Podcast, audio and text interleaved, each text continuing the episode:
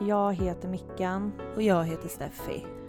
Ha, eh, det är inte jättebra stämning i studion eller vad fan man nu ska kalla det. Nej, jag sitter liksom här och gråter. Jag har en så himla konstig dag idag. Och jag är ärligt talat ganska irriterad. Mm. Vi har haft en liten eh, konflikt precis innan vi började spela in. Mm. Och eh, nej, jag behöver bara, jag behöver liksom bara komma över min irritation. Ja. Nej men, eh, ja. Och jag behöver bara komma igång med det här och prata om någonting annat typ. Ja, men det är också så här, vi resonerade ju ändå så att vi satte på inspelningen nu för att eh, vi vill alltid typ vara äkta i podden Mm. och inte, för du bara, jag behöver en minut. Och det- det får du ju alla dagar i veckan. Mm. Eh, och jag behövde också en minut för att jag känner mig inte på bra humör just nu. Och dina tårar rinner ner för kinderna. Det är en brokig skara som sitter här alltså. Nej, jag är inte brokig, Steffi. Jag är inte det. Och jag är inte heller en okänslig person som du försökte framställa mig som. Det blev ju helt, det kom ju fram helt fel. Ja, det gjorde det. Du fick det att låta som när vi försökte spela in första gången att jag typ hade kommit hit och skitit i hur du mådde. Och bara, vi sparar till podden. Det var det var- inte riktigt så det var. Nej, det var verkligen inte så. Och jag blev jätteirriterad. Ja. Och nu Men- är du ledsen. Och nu börjar jag få dåligt samvete Nej, över det att jag har behöver du inte ledsen. ha. Det är liksom, alltså grejen är att det här är inte du. Det här är att jag är så känslig idag att typ vad som helst kan liksom få mig att tippa över. Det är ingenting med dig, alltså så här, du har inte gjort någonting. Nej, nej. Eh, men det är bara känslan liksom. Du ska i alla fall inte ha dåligt samvete. Nej, okej. Hur... ehm, Hur går vi vidare från det här? Hur mår du? Jag vill ju inte veta det innan vi spelade in, så jag frågar i podden. Syrlig stämning. Ehm, jag mår ju jättemärkligt idag. Alltså jag vaknade med ganska mycket ångest och har eh, otroligt mycket kryp i hela kroppen. Jag eh, äter ju de här antideppen och eh, de har ju faktiskt gett mig mer ångest. Vilken är, vilket är en effekt man kan få liksom. Ja, precis. De första veckorna. De första veckorna, Ja. ja, viktigt att nämna. Eh, nej men så att jag har en eh, sån dag idag. Och det är inte jättekul faktiskt. Hur mår du? Nej, men det... Eh, jag mår väl bra. Eh, jag... Nej, jag, nu är jag, känner mig inte så irriterad längre. Men jag, jag var lite irriterad alldeles nyss. Men eh, det har ju liksom varit en så här vecka för mig av att ehm, ta del av eh, alla de här eh, metoo-männen som ska få tala ut. Ja! Mm. Och det har väl känts lite... ah, jag vet inte. Jag orkar liksom inte. Trött på att det blir backlash efter ett så viktigt upprop som metoo var men hoppas att eh, alltså insikten om att de här männen bara får tala ut helt okommenterat ger någon slags ny glöd till rörelsen eh, och framförallt att så här, männen typ börjar ta lite jävla ansvar och reflektera över sina egna beteenden. Mm. Typ så. Mm. Så är det med det. Men eh, du har ju faktiskt jobbat eh, din första vecka som 100 procent. Ja, men jag vill inte prata om det den här veckan för att jag har bara jobbat tre dagar den här veckan. Ja, just det. Så jag kommer klippa bort Ja. det här. Ja, gör det. Eller hör ni det? Vi får se. Ingen vet. en annan grej som har hänt under veckan är ju att vi bestämde oss för att ha ett eh, qa avsnitt Så vi eh, postade någon dag i veckan eh, att ni kunde ställa era frågor om sorgen eller i allmänhet och att vi kommer svara på dem i det här avsnittet. Yes! Och det är precis vad vi ska göra eh, nu!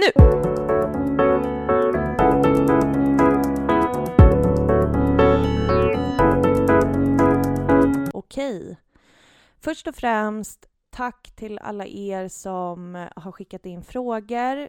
Eh, vi kommer inte ha tid att svara på alla, men vi gör väl vårt eh, bästa att svara på så många som möjligt. Mm. Eh, kan börja med en liten disclaimer att det är en del av er som typ har frågat så här om hur våra föräldrar har mått eh, och hur andra i vår närhet har mått och sådär.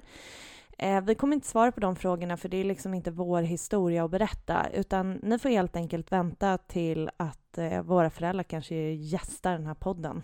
Ja. Men vi kör. Här är en fråga. Eh, fick ni någonsin reda på vad Lussan hade för typ av cancer? Alltså var det började någonstans?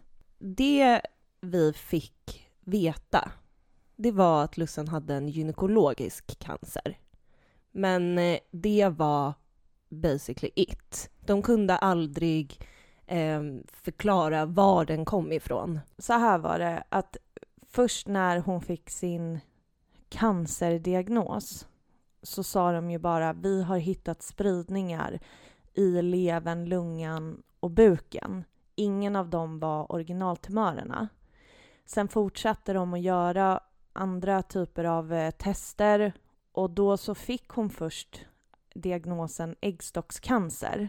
Och det var också det som hon behandlades för. Hon hann ju genomgå tre cellgiftsbehandlingar. Eh, det som hände efter den tredje cellgiftsbehandlingen var att hon röntgades för att se om behandlingen hade tagit och ifall de kunde operera. Det visade ju sig eh, att det inte hade gått så bra och då så sa de även att det vi ser nu är att det är inte äggstockscancer eller det är i alla fall inte exakt äggstockscancer liksom. Så precis som du sa, att man kunde liksom fastställa att det var en gynekologisk cancer som hon hade drabbats av. Men hon hade någonting som heter anaplastisk tumör. Och eh, alltså, när man ska bestämma behandling för en cancersort så kollar man i ett så mikroskop på de här eh, cancercellerna men typ tumörernas form tror jag att det är. Alltså de ja. förklarar ju som att hennes eh, liksom tumör, anti, anaplastiska tumörer är bara som en blajklump liksom. Det är ingenting. Man kan inte utifrån den avgöra vilken typ av cancer det är som man kan med liksom en äggstockscancertumör. Nej, precis. Det som de kunde säga var att eh, det såg mest ut som äggstockscancer och det de också kunde berätta alltså läkarna när vi hade så här efterlevnadssamtal var att eh, de behandlingarna som hon fick var rätt behandling. Mm. För att det, det, det finns liksom inte... Eh, ja, det, så, det var mest troligt någon typ av äggstockscancer men det gick inte helt att fastställa för att det var också någonting som var ganska ovanligt. Um, men en gynekologisk cancer hade hon. Mm. Vad tänker familj och närstående om podd? Har den lett till nya samtal med familj slash vänner? Ja, den har absolut lett till nya typer av samtal. Eh, den, den har liksom lett till eh, både viss eh, frustration men också väldigt bra saker. Det var något av eh, de här avsnitten vi släppte i början när vi pratade om så här, hur man kan bete sig som närstående. Efter det avsnittet så var det liksom flera av våra vänner som hörde av sig och bara Gud, jag önskar att eh, jag hade gjort mer och typ jag, jag pratade om så här, jag önskar att någon hade sagt åt mig att eh, gå hem typ eftersom att jag återvände till jobbet så himla tidigt och så. Och då var det liksom folk som hörde av sig till mig och bara jag önskar att jag hade sagt det till dig och jag önskar bla bla bla. Och det tyckte jag var jätteirriterande. Och det var liksom för att då blev det som att igen skulle jag typ säga så här nej men det det var inte dig jag menade eller det, alltså då, då, skulle jag liksom ta ansvar för att de här personerna fick typ dåligt samvete av att jag berättade det. Grejen med att när jag liksom pratade om att jag önskar att det fanns sådana människor i min närhet var inte för att på något sätt peka ut någon i vår närhet, varken vänner, familj eller någon annan. Det handlade om att i ett större sammanhang prata om liksom oss som människor i allmänhet och att det borde vara mer självklart att när man vet att någon går igenom någonting sånt så tar man tag i den och liksom kollar av läget på riktigt. Jag tycker liksom att vi har fått jättefint stöd av våra vänner, både tippade och otippade vänner runt omkring oss. Eh, så att det, det, det, alltså sådana saker har varit lite så här, men gör inte en till grej nu där, alltså, där jag ska ta ansvar. Och jag vet att eh, folk kommer lyssna på det här nu och kanske skriva igen. och bara förlåt. Gör inte det. Det handlar inte om er, det handlar inte om några personer, utan det, det handlar om saken som så i allmänhet liksom. Mm. Men eh, vad tycker du? Alltså jag eh, tycker ju att eh, det har lett till eh, väldigt många fina samtal också. Alltså speciellt inom familjen. För att vi, alltså det är inte att man liksom sitter och pratar om eh, sorgen och allt som har hänt hela tiden. Eh, men nu är det liksom som att vi gör det varje vecka. Och det blir som någon så här härlig ändå incheckning med varandra, hur man mår i det, vad man känner inför det. Eh, och också att vi pratar väldigt mycket om Lussan.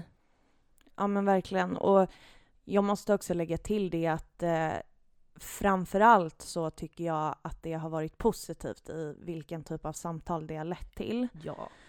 Alltså, både i vår närmsta närhet med liksom familj och vänner, men också ni som lyssnar. Alltså alla ni som delar era historier till oss, era egna sorger och trauman och det ni har gått igenom. Alltså, ni skriver till oss att vi finns för er, men ni finns för oss i allra högsta grad. Alltså Verkligen. Vi, vi liksom sitter varje vecka och läser det ni skriver till oss och känner oss mindre ensamma. Och vi vill ju starta podden för att andra inte skulle känna sig ensamma liksom, men vi får ju så himla mycket tillbaka också. Mm. Så det har varit framförallt liksom positivt. Jag tänker att eh, det jag vet är ju att eh, så här, men mamma och pappa tycker ju att det är jättebra att vi har startat podden och innan vi gjorde det så sa ju vi att vi hade den här idén och vi hade ju också bestämt att om inte de tyckte att det var en bra idé, då kommer vi inte heller göra det. Nej. Men jag tycker att vi ringer till vår eh, pappa Stefan och kollar. Hallå? Hej! Eh, du, vi sitter här och spelar in eh, podd och vi sitter och svarar på frågor. Ja.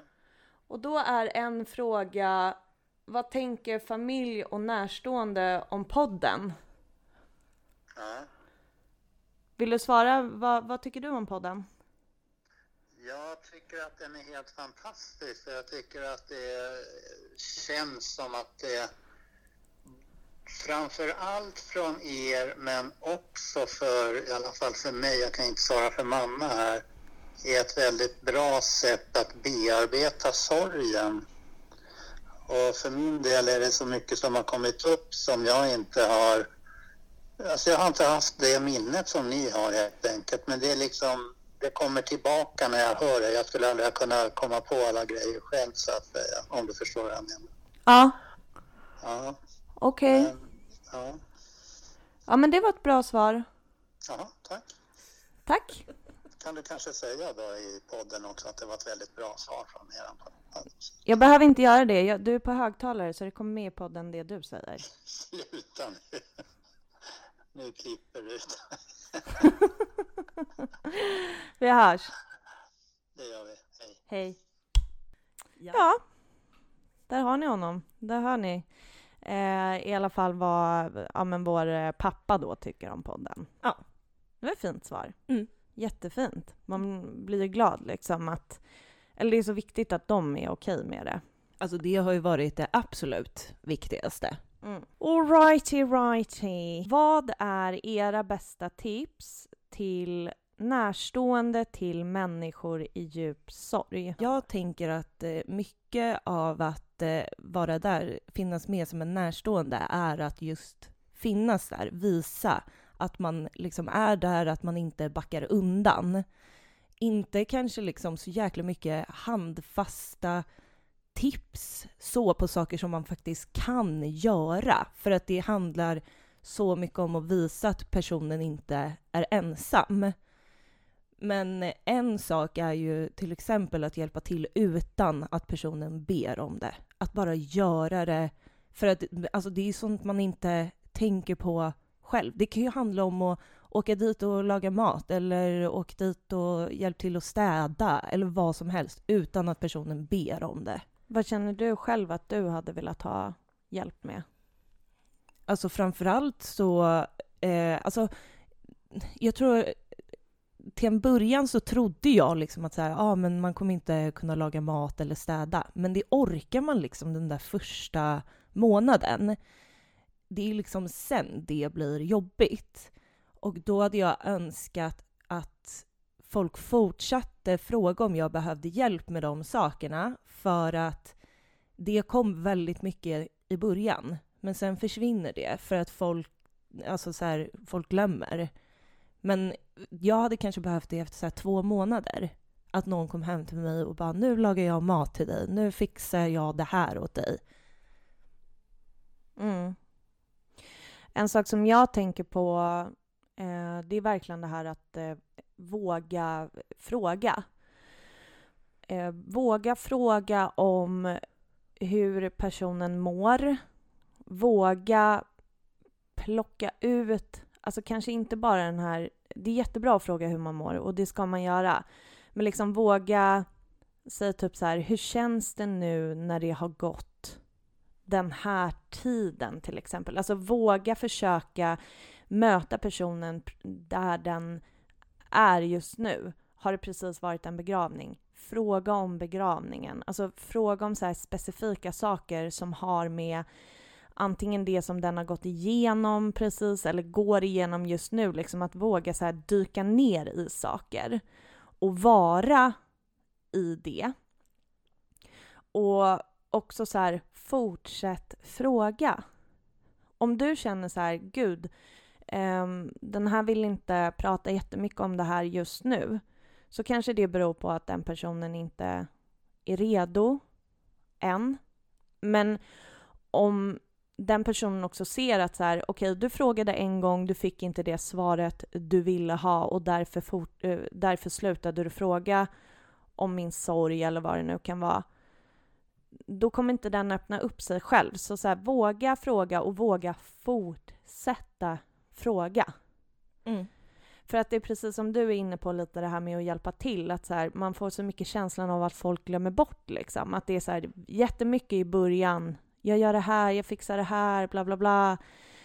Eh, och sen så, ja men som det har varit för båda oss och för många andra som vi har liksom kommit i kontakt med som också är i sorg, så är det när det har gått en stund, det är, för man är ju i den här chocken först, liksom, man fattar ingenting. Och chock är jättemärkligt, så det är liksom nästan sen som man typ trillar ner och typ inte pallar att göra saker själv. Liksom.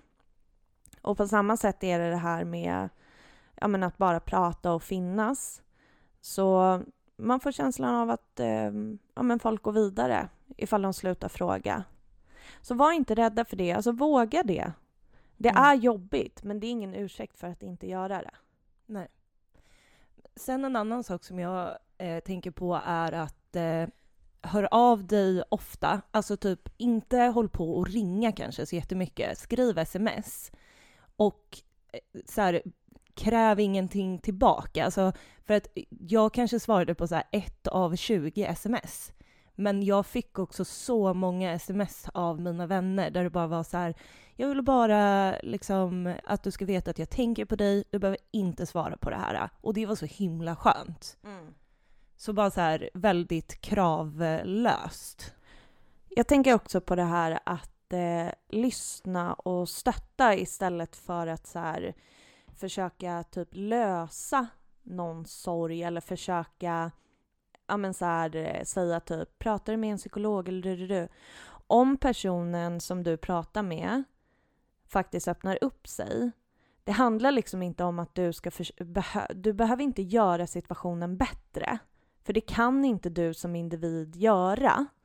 Det du kan göra är att låta den här personen prata, du kan lyssna, du kan bara var där och stötta istället för att gå in och så här, ja men sen så kommer ju det här bli bättre och sen så eh, nu är det i alla fall så här typ. För att jag kan bara prata för mig själv men jag var verkligen inte mottaglig för det. Jag kommer verkligen ihåg där i början, alltså jag, jag gjorde också något så här Instagram-inlägg där jag skrev så här jättelång text om att så här, säg inte till mig att det blir bättre för jag får bara panik då. Man är absolut inte mottaglig eh, för att höra att något ska bli bättre, för det kan inte bli bättre, det kan bara bli annorlunda. Så våga bara lyssna. Du kan inte lösa det här och du ska inte göra det här. Det här är liksom inte ett sätt som vi är vana vid som människor att prata med varandra, men som jag tror att vi har väldigt mycket att vinna på om vi bara blir bättre på. Och du kommer inte lyckas med det varje gång, men du kanske lyckas med det en av fem gånger och då är det bra. Men försök att bara lyssna och stötta. Säg bara jag finns här för dig, jag hör dig, jag ska försöka finnas för dig på det bästa sättet jag kan och så vidare.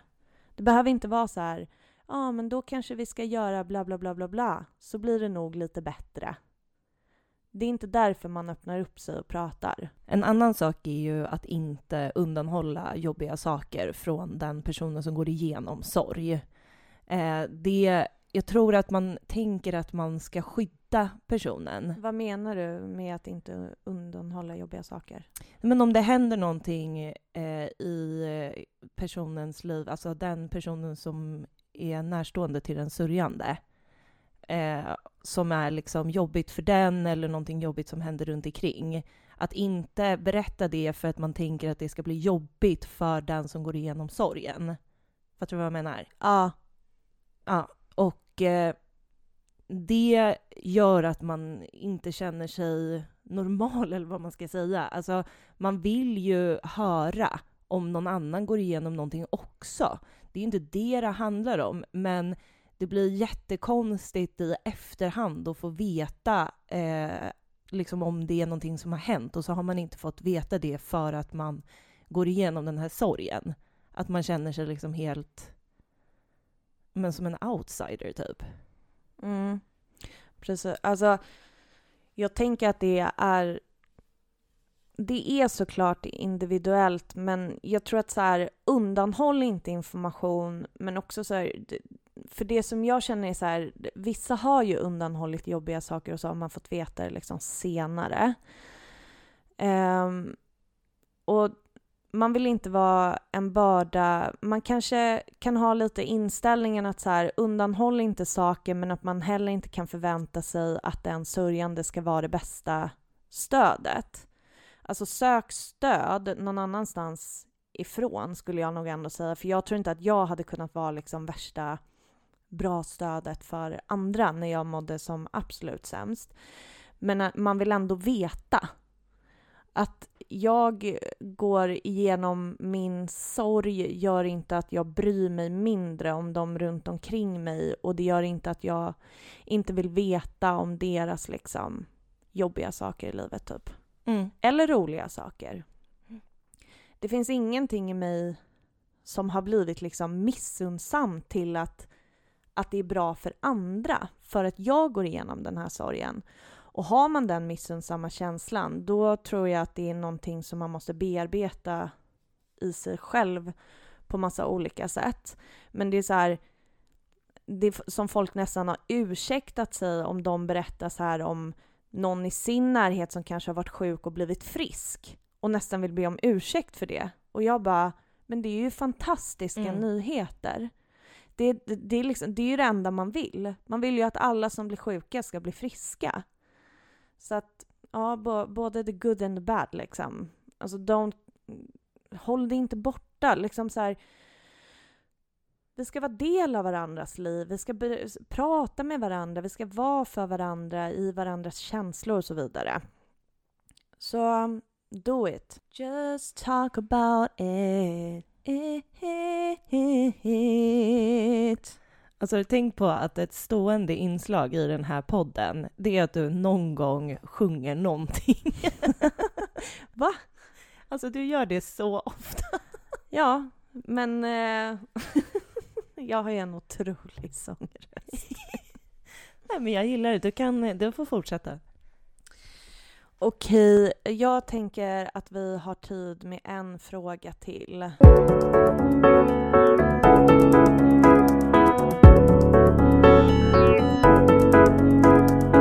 Tycker ni att man ska förklara hur sorgen egentligen går till och hur man mår utan att någon frågar?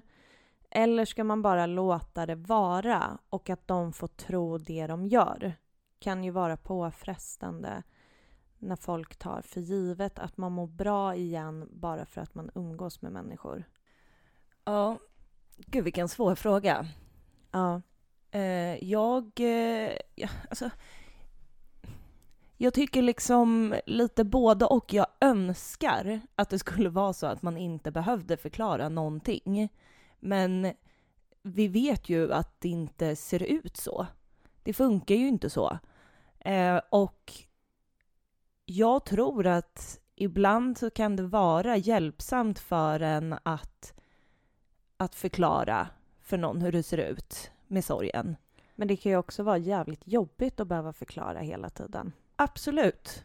Nej men alltså, och jag, jag vet ju själv, jag har ju erfarenheten. Jag tycker också att det är skitjobbigt att börja typ så här känna att jag behöver legitimera min eh, sorg hela tiden. Eh, och förklara liksom att den finns fortfarande kvar för att det funkar så här och så här. Eh, fan, jag vet liksom inte.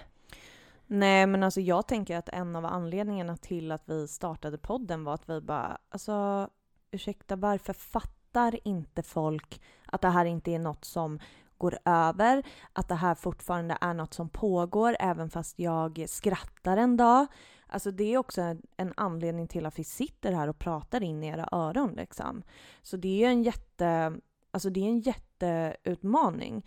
Jag tänker att man kanske, om man orkar, säger en seriös gång till några få utvalda så här. Vet ni vad? Sorgen finns i mig, även fast jag följer med på den här festen och har kul, även fast jag umgås. Sorgen finns, jag är ledsen, jag är arg, jag är alla känslor som det nu är. Nu vet ni det här. Nu kan ni få säga det till andra ifall andra inte fattar. Alltså typ att man gör det en gång till några förtroendevalda som man har i sin närhet. Och så kan de ta det ansvaret sen. Så behöver man inte göra det varje gång. Nej, det tänker jag är en jättebra eh, idé. För att man behöver också att, att folk ska förstå på något sätt, liksom, att det finns i en, som du säger. Men sen kan du ju också bara lyssna på den här podden. Ja, nej men alltså säg åt dem att eh, lyssna på avsnittet eh, som är 10 dos and don'ts för en sorgsen. Ja. Det är ett bra avsnitt. Det Ja. kan du liksom spela upp i en högtalare för alla du vill ska fatta och sen så är det bra. ja. Men ja, jag vet inte. Det, det handlar ju lite om eh, hur trygg man kanske är i sig själv också. Att leva med, att veta om att sorgen har massa olika nyanser.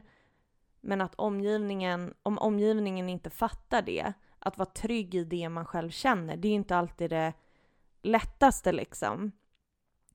Men vi som sitter och pratar med er, vi vet. Och ni som lyssnar, ni vet. Och vi finns för varandra. Du är inte ensam om det här, även om din närmsta omgivning inte fattar. Vi är många som går igenom det här. Och eh, jag lovar dig, jag och Steffi, alltså vi kommer fortsätta tills att alla har eh, fattat vad fan den här sorgen gör med en egentligen. ja. So don't you worry child, we're coming for you world. Ja. Men gud, var det där alla frågor vi hann med eller? Ja, jag har faktiskt inte tid att svara på fler frågor. Tyvärr. Vi kanske får, vi får väl köra ett nytt qa avsnitt eh, någon annan gång. Såklart, det gör vi ju. Ja. Alltså, jag är, jag, nu, jag är på bättre humör än när vi började spela in. Ja, jag med. Ja, Jag känner mig lite lättare. okej. Fan vad skönt. Vad ska du göra nu? Nu ska jag ta med mig Sigge som eh, jag är hundvakt åt, familjehunden. Eh, promenera ut till torpet i Orhem som ligger typ fem eller typ en halvtimmes promenad från Skarpnäck. Rensa i trädgården till eh, det här då kaféet som öppnar första maj. Okej, kaféet är torpet i Orhem, eller? Ja, Ja. det heter torpet i Orhem. Det är ett nice. så mysigt ställe. Alltså det är underbart där ute. Mm, Så, swing fint. by. Ja. Ja, det tycker jag verkligen att alla ska göra. För att det är också utomhuscafé, så det är väldigt så här uh, coronavänligt. Mm. Bor man i uh, Stockholmsområdet, torpet i Orhem. Alltså, det, det är också så här, det ligger ju precis vid en sjö. Och så ligger det i ett område med massa kolonilotter. Och så är det bara skog. Alltså det är så jävla Mm. mysigt där. Det är otroligt. Alltså det är verkligen otroligt. Ja. Så jag ska dit och eh, eh, tydligen rensa i trädgården. ja. Hjälpa till lite. Okej, men då jag tror, för det är ju strålande sol ute, jag tänker att eh, jag promenerar bort med dig dit Mm. för att få en skön promenad, men jag kommer inte rensa någon trädgård. Nej. Och det är allt jag har att säga om den saken. Ja, det är okej. Sen blir det fan binge-watch av Snabba Cash. Åh, gud vad kul, det ska Ja. jag göra imorgon. Ja. Wow!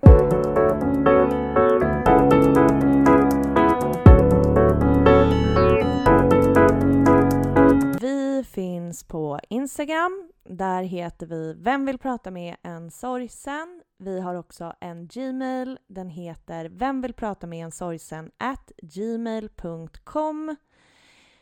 Du, irriterad eller inte? Det finns en sak man fan inte tummar på. Nej. Men får jag bara säga en sak innan vi slutar? Ja.